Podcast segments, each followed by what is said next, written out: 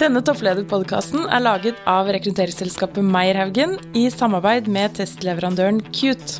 Handler det mest om å ha energi på de tingene du velger ut, eller handler det om å klare å si nei til andre ting? Egentlig en kombinasjon. For det som kanskje man ser med en del virksomheter som ikke klarer å levere så bra, er jo nettopp at de mangler fokus. Og de klarer ikke å konvertere prat til handling. Mm. Så gjennomføringsevne også, da. Ja, må, som noen av de store i Norge sier, må gjennomføre, må levere. Må... Ja.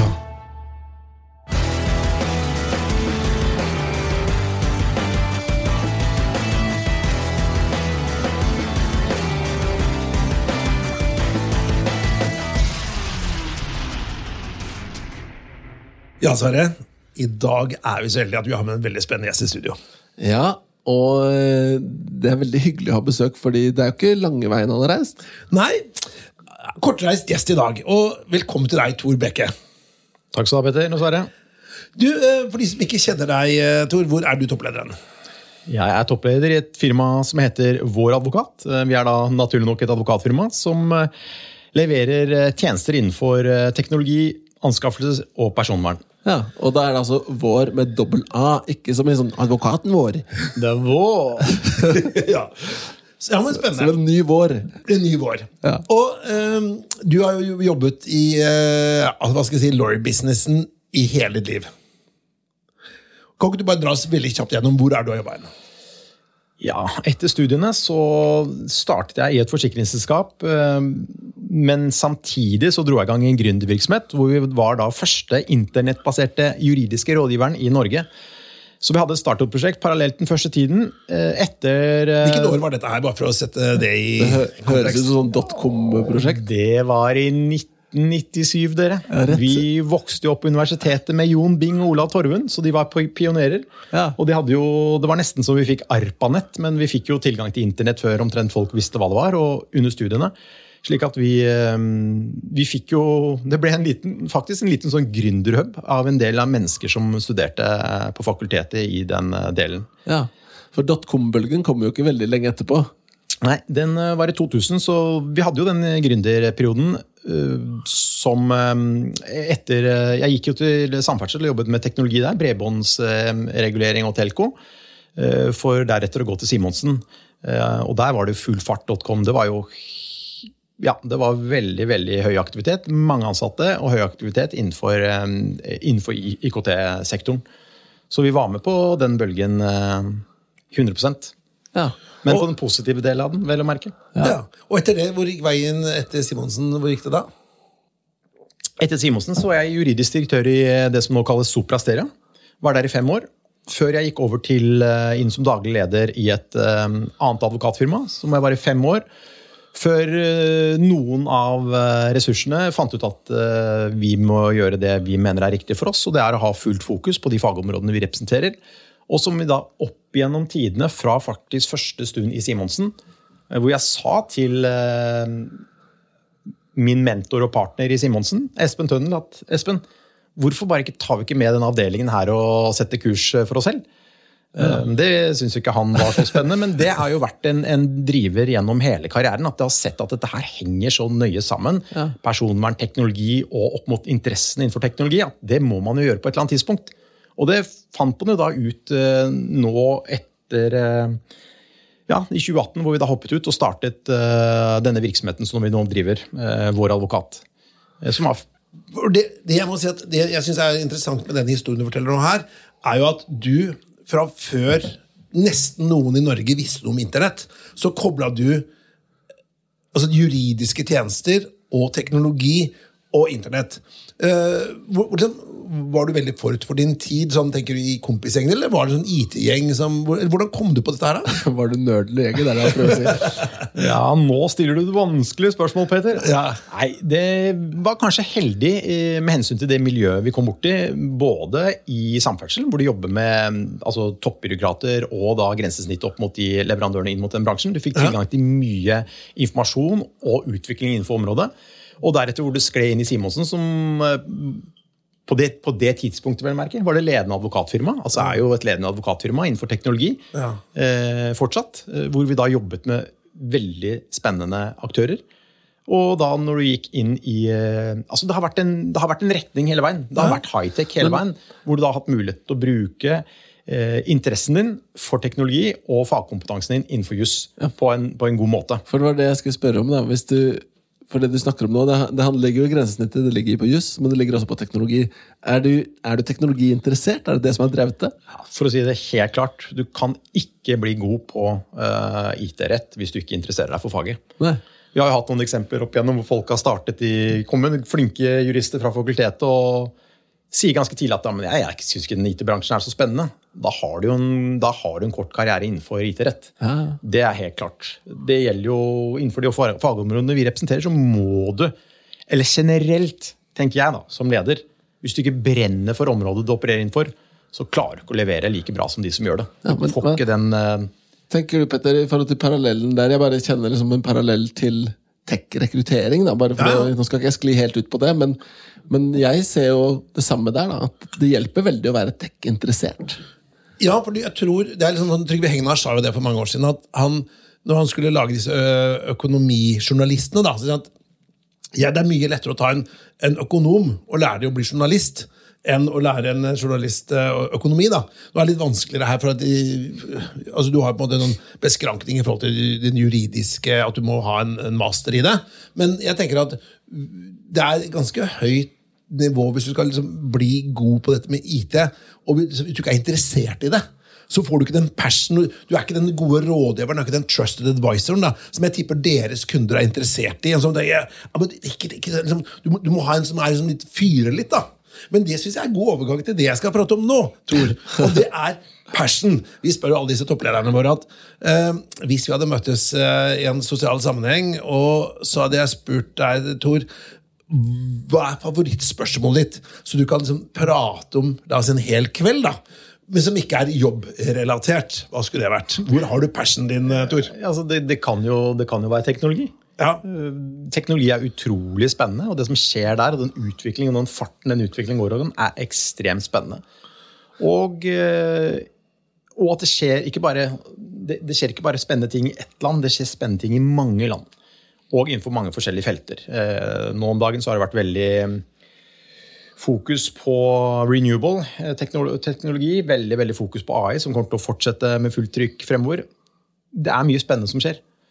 Så det henger jo litt sammen med fag også. Ja, Men er det da, er det da liksom teknologi i et bredt perspektiv? Er det uansett, hadde, Om vi hadde begynt å snakke om subsea boreteknologi, eller snakker vi digital altså informasjonsteknologi? Eller? Nei, det kan være, et være, bredt, bredt perspektiv. Altså Spennende helt tatt med å, hva, hva, hvilke muligheter det er der, og egentlig hva man kan få til av ting man ikke hadde hatt mulighet til å forutse for noen år siden, som man Så- klarer å få til i dag. Så hvis jeg hadde for eksempel da gått inn i en diskusjon som handler om selvkjørende biler eller roboter, og hva skjer, hvordan skal vi juridisk behandle hvis en robot Ja, nå er vi jo på jobb, da. Men hvis en robot gjør noe som skader mennesker, da, og så sier man at ja, men hva, hva, hvem har ansvaret da? Er Eller hvem som skal programmere de ikke sant, for det er det handler om, hvem skal, hvem skal programmere de, den funksjonen? At skal jeg kjøre mot eh, to uh, småbarn eller ti gamle folk? Eller, for det er jo en sånn logaritme som ligger bak uh, i forhold til hvordan den skal angere, hvis den må velge ut et offer. da. Eller skal jeg drepe sjåf, sjåføren, den som har kjøpt bilen? ikke sant? Da er vi midt i en juridisk eh, nøtt her. Ja, nei, jeg ville ikke tatt de samtalene i en sosial setting. For, da, for nå, nå så jeg på blikket ditt at nå kom du over i jobbmodus. For dette ble liksom jobbspørsmål. Ja, og det, Men ellers er det jo Jeg tenker at det er ekstremt viktig for uh, alle enhver som har en relativt hektisk hverdag. er jo det er friluft, natur. Jeg har behov for å spinne rundt i skogen eh, på fjelltopper. eh, Da lever jeg, og jeg blir kreativ. Ja, da, da, må, da må jeg, jeg programforplikta til å spørre jakt. Hva var det du sa, Petter? Nei, sist, sist jaktøyeblikk, Sverre, det var på hytta forrige uke, hvor det plutselig kom noen karer opp i åsen her med, med gevær og sånne eh, eh, oransje capser. Ja. Og det var, da tenkte vi at nå, nå drar vi et annet sted. Ja. Det var, det var ikke meg, da. Nei, er Du, vi har altså disse tre kjappe, Sverre. Og da er det jo tankegangen at uh, vi stiller disse spørsmålene nå, og så skal du da svare på de senere. Men dere som lytter, kan jo også da tenke hva hadde jeg svart hvis jeg hadde vært i Tor Beke sitt sted? Og da, da, da flagger jeg de nå, men du får ikke lov til å svare på de før etterpå. Men du skal få lov til å tenke på de, Tor. Første er hva er ditt beste tips for work-life balance? Nummer to er hvordan takler man som leder vanskelige personligheter eller vanskelige mennesker? Altså, det er viktig å presisere for deg, da, ikke som advokat, men som leder. Og det tredje spørsmålet er sendt videre fra Tonje Sandberg, som er eh, CEO i Accenture. Og hun lurer på hva tenker du hvis du ser inni krystallkula to år fram i tid? Hvordan ser verden ut da, sånn som du ser det for deg? Eh, og det er de tre kjappe i dag. Ja, og uh, nå sier jeg og tenker Tor godt, for dette er, jo, dette er jo spørsmål som vi er interessert i å høre hva som uh, kommer til å bli svaret på. Men du er jo da managing partner i Vår advokat. Fortell litt om det selskapet. Vår advokat er jo et selskap som ble startet i 2018 av eh, Marianne Draksen og Espen Bakjord som har spesialisering innenfor teknologi, offentlige anskaffelser og personvern. Vi er 14 personer i dag, og det er det eneste vi driver med. Det er det eneste området vi, vi tar tak i av oppgaver. Alt annet setter vi bort til andre samarbeidspartnere. Slik at teamet i dag er et ekstremt sterkt team innenfor de fagområdene.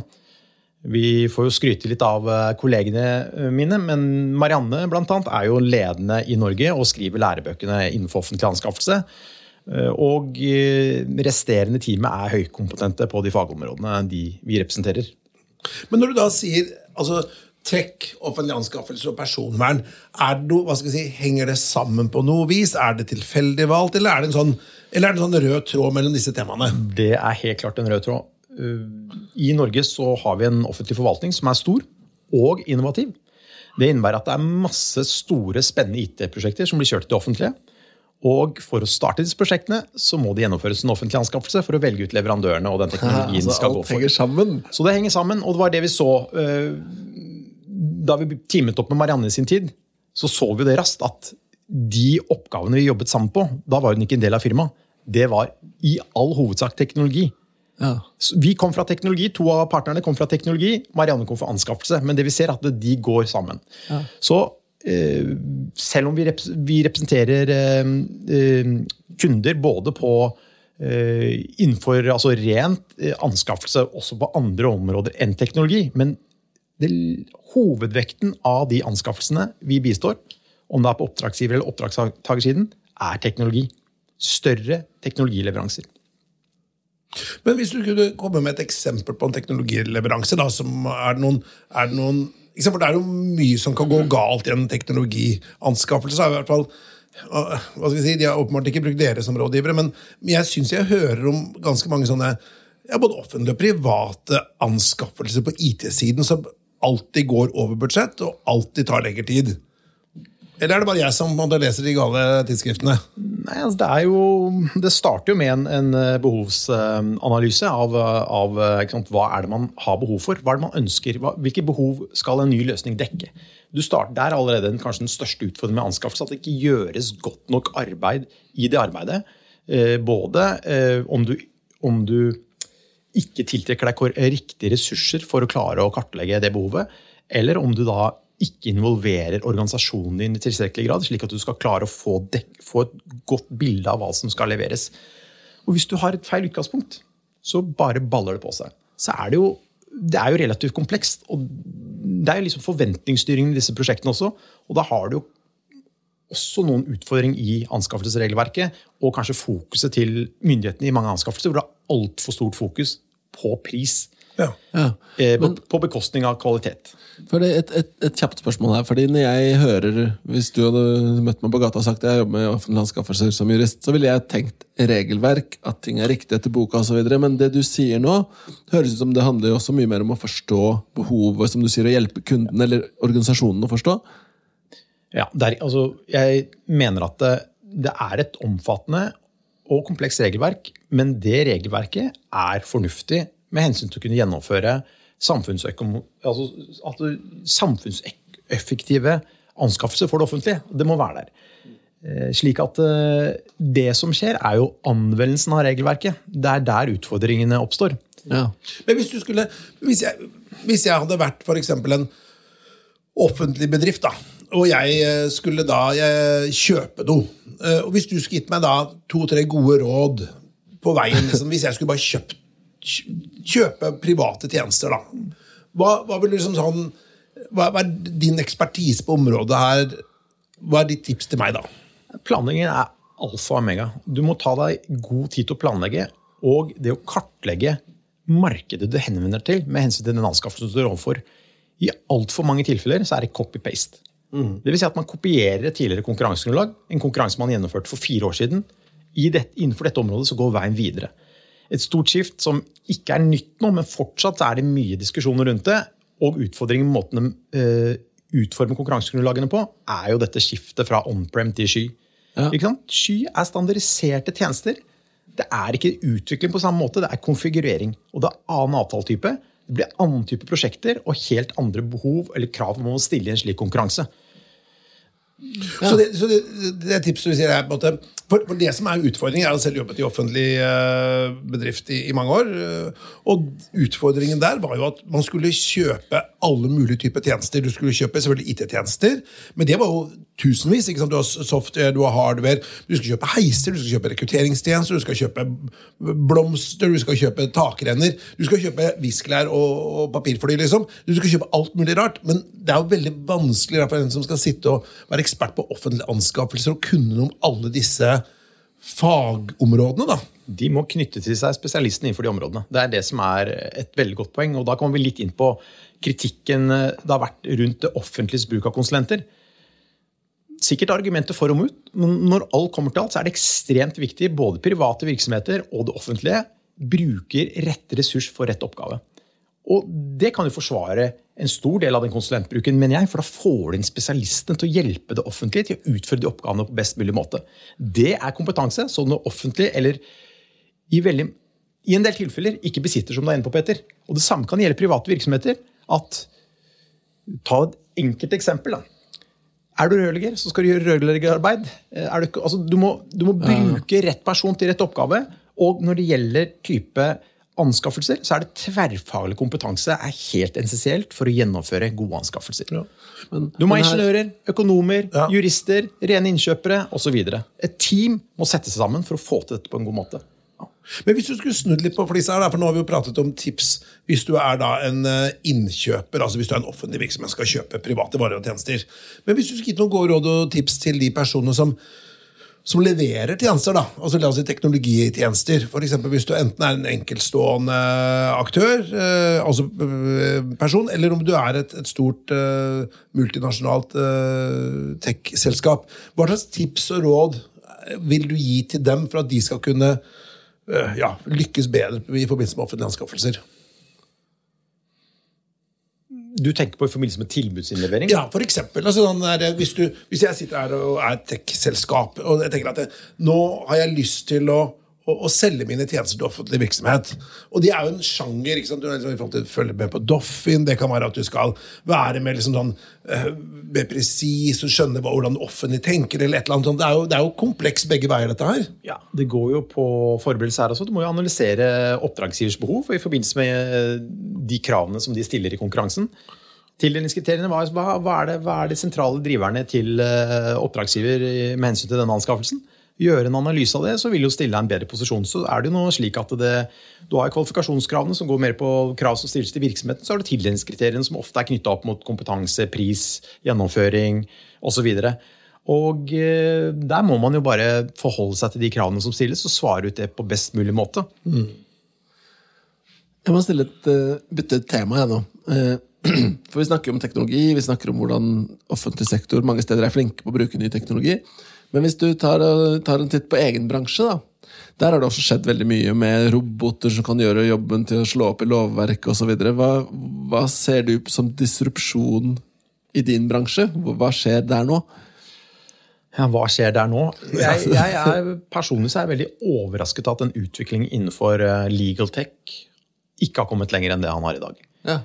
Det er de satt litt på spissen. Se bort fra skybiten, så er veldig mye av de verktøyene som er eh, som alle advokatkontorer må ha, da. tilgang til kan du si, oppdaterte lover og avgjørelser. Det har skjedd veldig lite med de verktøyene siden de ble lansert for haugevis år siden. ja. Det vi vil kunne se fremover, det er jo at det kommer digitale verktøy som effektiviserer hverdagen på en helt annen måte. Eh, og, og fram til i dag så har det kanskje vært eh, pratet for mye rundt det, uten at du har sett de konkrete, gode løsningene som virkelig hjelper oss som, eh, som tjenesteytere, eller kunden. Ja. For poenget i hvert fall er jo at det må være verktøy som Du må jo ha en verdi. Og det, sånn sett så kan det ha vært slik at uh, i dag så er jo advokatbransjen relativt tradisjonell.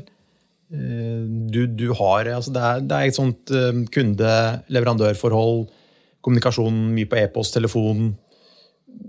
Det er en ganske tradisjonell virksomhet, men det er helt åpenbart altså forbedringspotensialet Ja. og effektiviseringsmuligheter, og da kunne gjøre leveransene, i hvert fall innenfor visse områder, så er det jo helt klart at man bør kunne standardisere på en helt annen måte. Ja.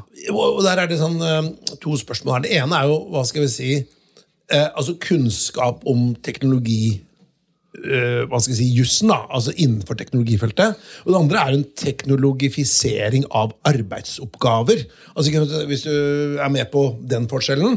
Så hva vil du si du, du, hvis, du skal, hvis vi begynner på teknologifisering av arbeidsoppgaver, da, er det noe, tror du du kan i framtiden få en, en, en robot som kan komme med en juridisk betenkning? tror du? Eller kan tolke en lov? eller Tror du de kommer dit? De har jo kommet ganske langt allerede. Det her går jo på tilgang til store datamengder. Å bruke, å bruke uh, intelligente verktøy på å analysere store, store datamengder. Det er nok større utbredelse i statene, hvor du har uh, uh, Kanskje det største området der man har kommet lengst, er jo på oppkjøp av selskap. Da skal man gå gjennom haugvis av data. Du, En M&A-situasjon. ja, due deal. Går Ja. gjennom haugvis av data, du screener opp mot en del parametere du har satt inn, og så får du et resultat. Så det blir en kombinasjon av, eh, av eh, maskin og menneske. Der, det har, der har det vært en veldig stor utvikling. Mest sannsynlig pga. at det er det området det kanskje ligger mest kroner i for advokatbransjen og for teknologene. eh, i Med hensyn til de løsningene de utvikler. Og I tillegg så er det jo løsninger som analyserer type dommere, advokater og sannsynligheten for resultat i forskjellige saker. da. Så, så, som analyserer dommere? Ja, dommere, ikke sant? Hvis du har vært skal ikke, Vi hadde jo en sak for litt siden hvor en av våre ansatte bare sa at du må ikke ta den saken. Den, en sak mot det offentlige i det området, du er dømt til å tape. Ja. Det var et sånt eksempel. Men de, det var et eksempel vedkommende tok. Men det er jo da kode som gjør disse analysene. Ja. Vi har ikke tilsvarende i Norge, tror jeg, per nå, men det er i staten og Australia og en del andre land. Som gjør en analyse. Og det vil være en del av risikovurdering ved å ta en sak for retten. Men Jobber dere med noe sånn tech-utvikling selv, eller er det primært øh, inn mot kunders Ja, vi jobber med tech-utvikling. Vi er jo litt uh, uh, For oss er det viktig å vise troverdighet opp mot de kundene vi representerer. Og tech-delen vi holder på med, er jo for å utvikle verktøy som vi kan bruke i vår hverdag, som vil gjøre vår hverdag enklere og bedre, som da igjen gir resultat overfor våre kunder. Ja. Slik at vi har utviklet eh, portal som vi har lagt boka til Marianne, offentlig anskaffelse og kommentarutgaven til forskriften og loven. Den eh, klarte vi å få lansert fra egentlig starttidspunktet til den var en første versjon. Klarte vi det på en og en halv måned. Ja.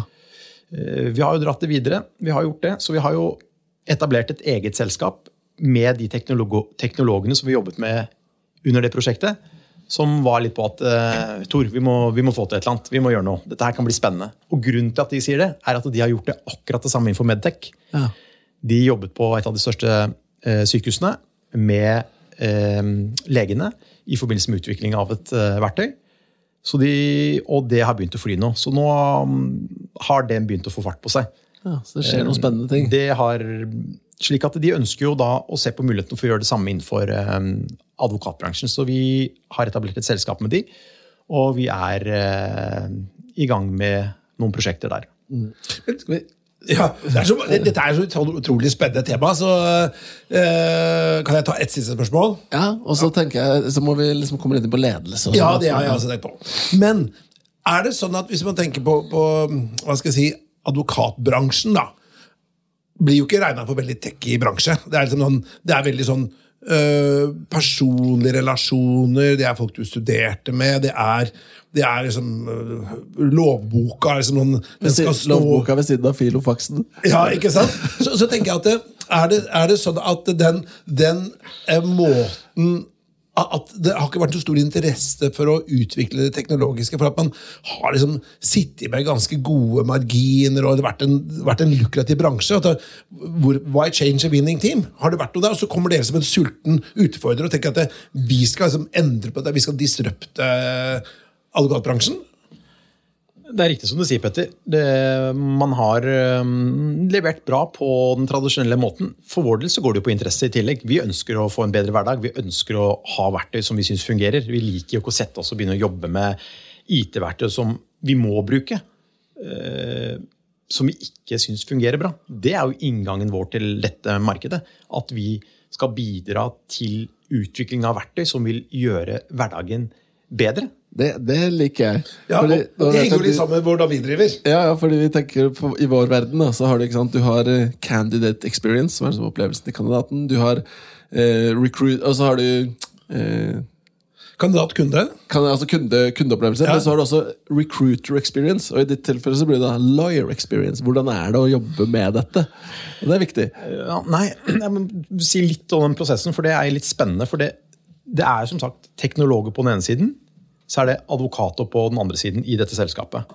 Og hele poenget er at vi, det vi gjør, er å redegjøre for eh, våre behov.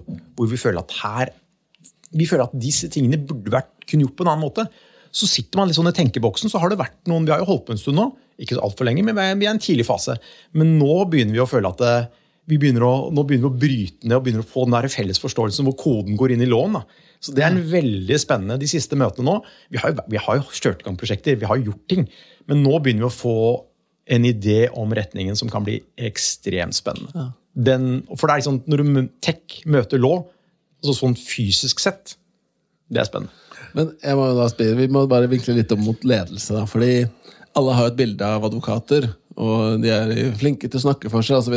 Og så må jeg spørre deg, da, som leder av advokater, og du skal jo lede disse folka her, er det litt som å gjete katter, eller? Lede? Nei, jeg tenker det må, Hvordan er det man ser på ledelse? Vår virksomhet den er veldig flat.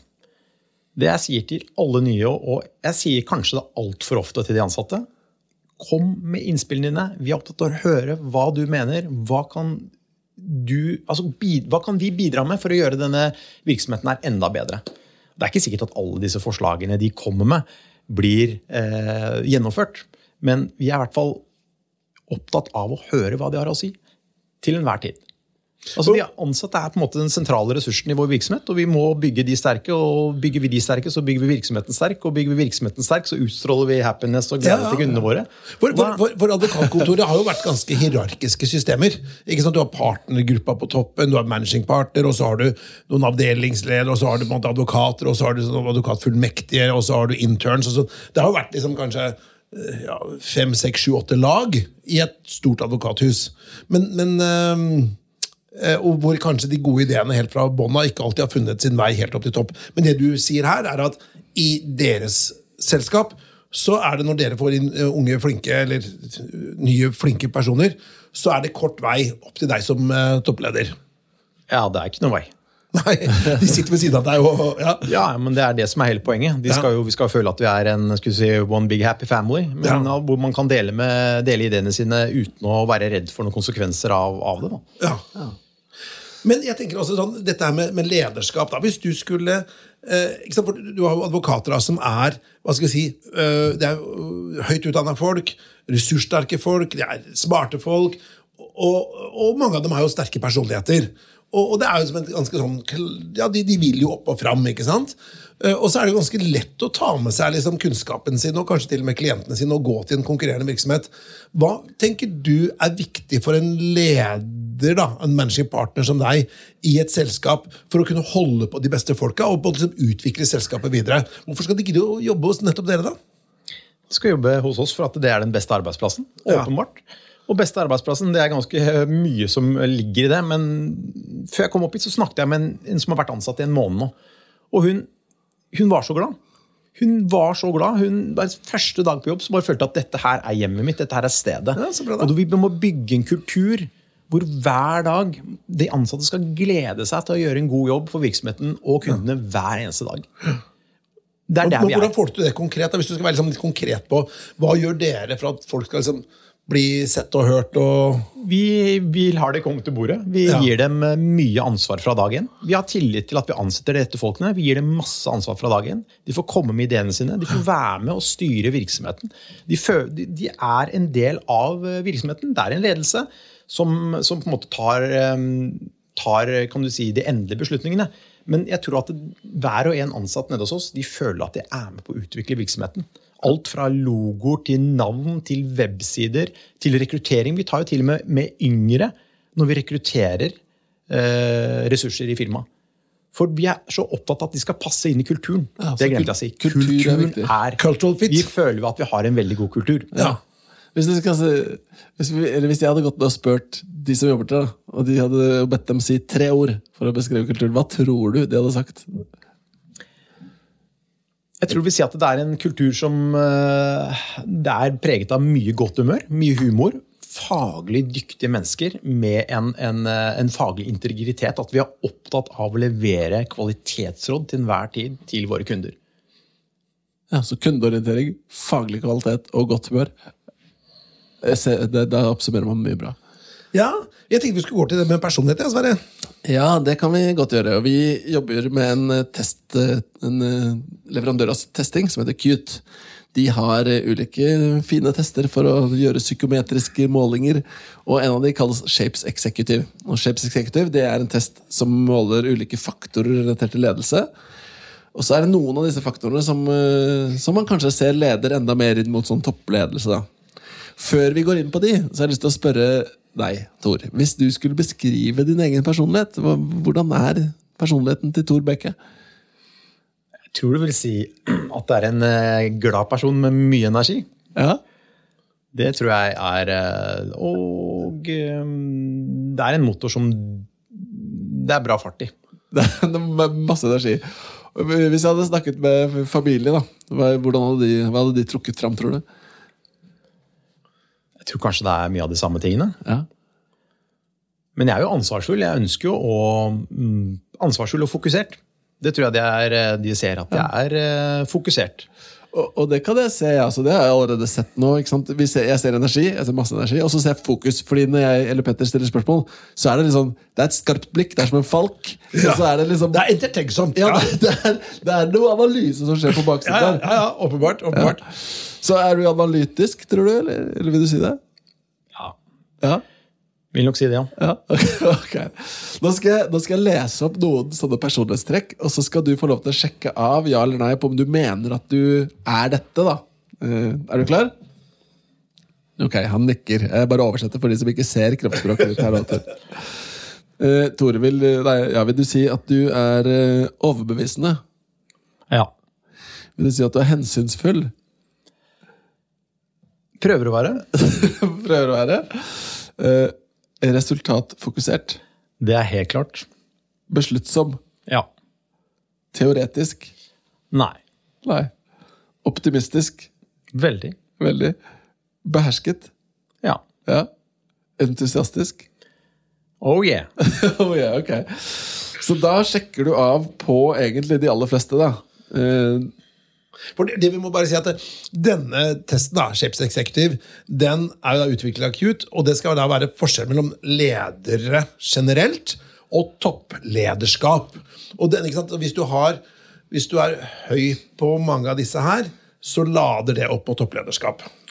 eh, og så er det jo Og det er jo alltid sånn ikke sant, at man har med seg noe i en personlighet. Og personlighet sier jo ikke noe om hvem du er, det sier noe om hvordan du kanskje foretrekker å være. Og så kan man ha en atferd som er noe helt annet. Og det, hører, det var interessant når, du, når, vi spør, når jeg spør hensynsfull, så sier du 'prøver å være'. Eh, hva, hva, hva legger du i det? Ja, du Skal du levere og eh, ha fremdrift, så kan det gå på bekostning av visse andre ting til tider. Av hensynsfullhet. Ja, så fordi du, du var veldig, Det var veldig lett å si ja på resultatfokusert og besluttsom. Så det er de liksom for eksempel kan Men jeg prøver, altså, det er veldig viktig for oss å, for å skape den kan du, atmosfæren. Altså, vi er jo en klient, eller kundeorientert virksomhet. Altså, både de ansatte er helt ekstremt viktig, og det samme gjelder kundene. Så man må jo være øh, fornuftig, balansert og prøve å ha en øh, ja, bruke sunn fornuft til enhver tid. Da. Ja. For, for det tankegangen her er at, at Disse personlighetstestene er jo laget sånn at du har plusser og minuser og bedre. da, ikke sant? Altså, hvis du er veldig resultatorientert, så er det jo rett- nettopp det. Men motsetningen av å være resultatorientert er å være kanskje prosessorientert. da, ikke sant? Så hvis du alltid skal, la oss si En prosjektleder er ofte kan ta seg råd til å være mer resultatorientert. For det er ikke så farlig liksom, om folk er mugne i etterkant, for du skal ikke jobbe med dem senere. Men hvis du er, er managing partner og skal ha disse folka gående for Hvis du alltid er bare push, push, push, jobbe all-nighters, altså jobbe med kjedelige ting, og bare for å få det resultatet hver eneste gang, så vil i hvert fall de aller fleste da, vil ikke gidde å jobbe med en sånn leder over mange år. da. For de, er, de blir ikke sett, det er ikke så personfokusert og, og sånne ting. da. Så det er, det er en plusser og minuser ved disse, disse aktivitetene. da. Ja, for bare å tilføye på den teoretisk Det kanskje uh, hørtes litt dårlig ut fordi måten folk, hva de assosierer med advokatbransjen, sånn umiddelbart. Men poenget med, med det svaret er jo at uh, kundene er jo opptatt av et, et eller annet løsning som de kan bruke i sin virksomhet. Det er jo En praktisk løsning. ja, ikke sant? Om det er offentlig eller private. Det er, de, har et, um, de har en utfordring som må løses. Ja, ja. Og teorien bruker vi til å finne løsninger, men vi må være praktisk orienterte. Og det er typisk den tradisjonelle hvor du, liksom, du, du hører et eksempel om han brukte en advokat, fikk et notat på 30 sider. Det er ikke det de vil ha. Det er executive summary. Hva er det? Hvordan skal vi forholde oss? Hvordan skal vi navigere fremover? Ja. Hvilke personlighetstrekk føler du har vært viktigst for deg for å ta deg dit du er i dag? da? Det er fokus. Fokus, ja. Det er fokus. Det, det er mye baller i lufta, men du må fokusere og sette fart. Handler det mest om å ha energi på de tingene du velger ut, eller handler det om å klare å si nei til andre ting? Egentlig en kombinasjon. For du, det som kanskje man ser med en del virksomheter som ikke klarer å levere så bra, er jo nettopp at de mangler fokus. Og de klarer ikke å konvertere prat til handling. Så gjennomføringsevne også, da. Ja, og må, som noen av de store i Norge sier, må gjennomføre, må levere. Må... Ja. Det er det som skal til. Du merker det ganske raskt når du sitter i møte med folk. Det er bare Ja. Ja. Er det, er det to, er little less uh, conversation, little more action, please? uh, som Elvis sang i sin tid. Men jeg tenkte vi skulle gå over til tre kjappe igjen. Så jeg, jeg ser litt på klokka. Jeg Dette det er ikke vi prata om hele dagen, men vi, det er mange som uh, lytter spent på hva vil Tor uh, Beke svare på disse tre kjappe. ja. Tor, du, du er jo ikke redd for å jobbe. Nå, du har nå starta selskap, og du leder et selskap. og Jeg regner med at det blir lange dager av og til. Eh, som leder, hva er ditt beste tips for å få til work-life balance? Det beste tipset er å kutte ut mest mulig sosiale medier. Ha fokus på det som er viktig for, for familien din, omgivelsene dine og jobben din. Det er for mye informasjon ute om dagen, og den må man bare begynne å redusere. Kutt en time TV, kutt en time Facebook, LinkedIn. altså Det er for mye tjenester. Bare gå ut og nappe de appene ikke, som gir deg noe verdi. Må ha fokus. Så du, kan så du kan ha fokus på familie eller hjemme? Eller? Ja, Du tar jo energi og tid ut av eh, viktigere ting. Ja. Det er et godt tips. Ja, absolutt. Det, det blir jo noen timer på sosiale medier i løpet av en ettermiddag. Ja, eh, og det er klart en ting, noen ganger, Mange bruker sosiale medier la oss si, i forhold til salg, markedsføring og jobb. da. Eh, Men det er klart at hvis man tenker på denne sosiale medier bare for å se hva andre har til middag og hvor de er på ferie, så, så er jeg enig av deg. Eller hvor de går på jakt. Jo, Ja. Det er jo misforstå meg rett, det er kommet for å bli, men man må bruke det riktig. Og jeg tror sånn generelt sett at folk bruker for mye tid på skjerm. Ja. Og det, ja. Kan ikke du komme og holde et foredrag på ungene mine om det hjemme? Ja, Hvis du holder foredrag for mine, så. Alright, neste spørsmål. Ditt beste tips for å håndtere vanskelige mennesker som leder? Du, du, det beste er jo ikke å få om, omgås med vanskelige mennesker, men jeg tror at man må bare være åpen og ærlig. Ja. Og prøve å sette seg litt inn altså ærlig og oppriktig sette seg litt inn i situasjonen deres. Hvorfor er du, eller opptrer du på den måten du gjør nå? At du prøver å gå i deres eh, situasjon og, og prøve å sette seg inn i det, og, og ut fra det handle. Ja. Ja, Det er en god egenskap. det. Ja, bare vær åpen og ærlig rundt det. Det er ikke alltid like lett, da. For det er jo noen ganger du kan tenke at ja, jeg vet at jeg burde sette meg i ditt ståsted, men jeg har søren ikke mye lyst. Men da kan det jo være at man ved å gjøre det, at man har forståelse for hvorfor vedkommende er i den situasjonen som det er. Da. Ja, jeg er helt enig. Og så har vi fått et spørsmål fra en tidligere gjest. Ja, og Det er fra Tonje Sandberg, eh, Sandberg som er da CEO i Accenture. Ehm, og det hun gjerne vil stille deg som spørsmål, det er hvis du ser inn i krystallkula to år fram i tid, hva ser du da? Jeg tror at vi kommer til å se eh, en stor eh, endring innenfor eh, transport. Ja, Og jeg tror også at vi kommer til å se en stor endring med hensyn til bruk av digitale flater. I tillegg så tror jeg også at det kommer til å være mye større bevissthet rundt bruken av data. Vi ser jo disse eh, store sakene som verserer. Siste avgjørelsen til EU-domstolen i Schrems-saken, eh, som går på da overføring av data til USA og behandling av personopplysninger. Jeg tror at det kommer til å bli mer fokus på det. Hva- Jeg er jo nødt til å spørre. Transport, hva tenker du der? ja, det å sitte i bilen, sitte i kø eh, Når du kunne lent deg tilbake og holdt på med andre ting. Ja. Selvkjørende biler, da. Ja. Ja. Det at eh, det kommer til å endre seg, og det, det tror jeg kan, kommer til å skje ganske raskt. Ja. Ja, for du har jo dette temaet at ikke sant, sånn, hasslet med å, å reise, da, det er liksom å stå i kø, det er liksom den fysiske forflytningen. da, og man tenker i forbindelse med korona at vi flere hjemmekontor, mindre businessreiser, men også at ny teknologi vil, istedenfor at du må sitte i kø, så sitter du bare og koser deg og ser en film i en, en selvkjørende bil om ikke altfor lenge. Ja, Og så er det ikke nødvendigvis biler. Jeg tenker det med transport. Vi ser jo en utbredelse av helt andre måter å forflytte seg på i dag enn vi bare gjorde for noen år siden. Så Det tror jeg kommer til å bli altså vi har sett mye av den, Det kommer til å komme nye ting også. Men at det blir en helt annen flyt eh, når det gjelder eh, transport. Det er veldig interessant en liten digresjon her men det er veldig interessant hvordan man har en tendens til å overvurdere hvor mye som skjer på kort sikt, og undervurdere på lang sikt. Og når vi ser på nå, for eksempel, når vi spør eh, markedet der ute, da, hva de tenker om digital rekruttering, f.eks. automatiserte rekrutteringsintervjuer osv., så, så er det en ganske lav modenhet for at folk har lyst til det. ikke sant? Men hvis du spoler tilbake 10 år, 15 år, og noen hadde spurt hva tror du om selvkjørende biler, så ville jo folk vært veldig skeptiske. Men nå ser vi at det, det kommer jo, da. Ja, Det er jo rett rundt svingen, for å si det på den måten. Så hva som skjer framover, det blir spennende å se. Fint. Jeg tenkte vi skulle gå inn for landing her, Sverre. Ja, men da, da gjør vi det, da. Ja, men Tusen takk, Tor. Eh, Veldig spennende å høre dine tanker rundt dette med eh, hva skal jeg si, teknologi og, og jusfeltet.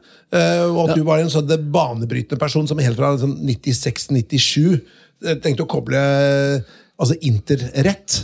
Det er imponerende. Interrett? fant du på det nå, eller? Nei, nei, det het Det het interrett. Wow, det er det Ja. beste navnet jeg har hørt. Ja, det er superbra interrett, og det var laga for, for eh, 25 år siden, ikke sant? Men før vi legger på, holdt jeg på å si, før vi avslutter opptaket Tor, du skal få lov til å stille et spørsmål videre til neste toppleder som gjester eh, topplederrådet. Hva slags spørsmål vil du stille da?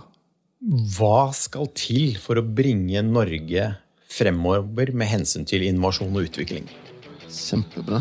Bra, og det lurer jeg litt på sjøl også. Tusen, tusen takk. Takk for det, Tor. Eh, takk for at du delte. Takk skal dere ha. Har du innspill eller kommentarer til denne podkasten, kan du sende en e-post til toppleder at meierhaugen.no.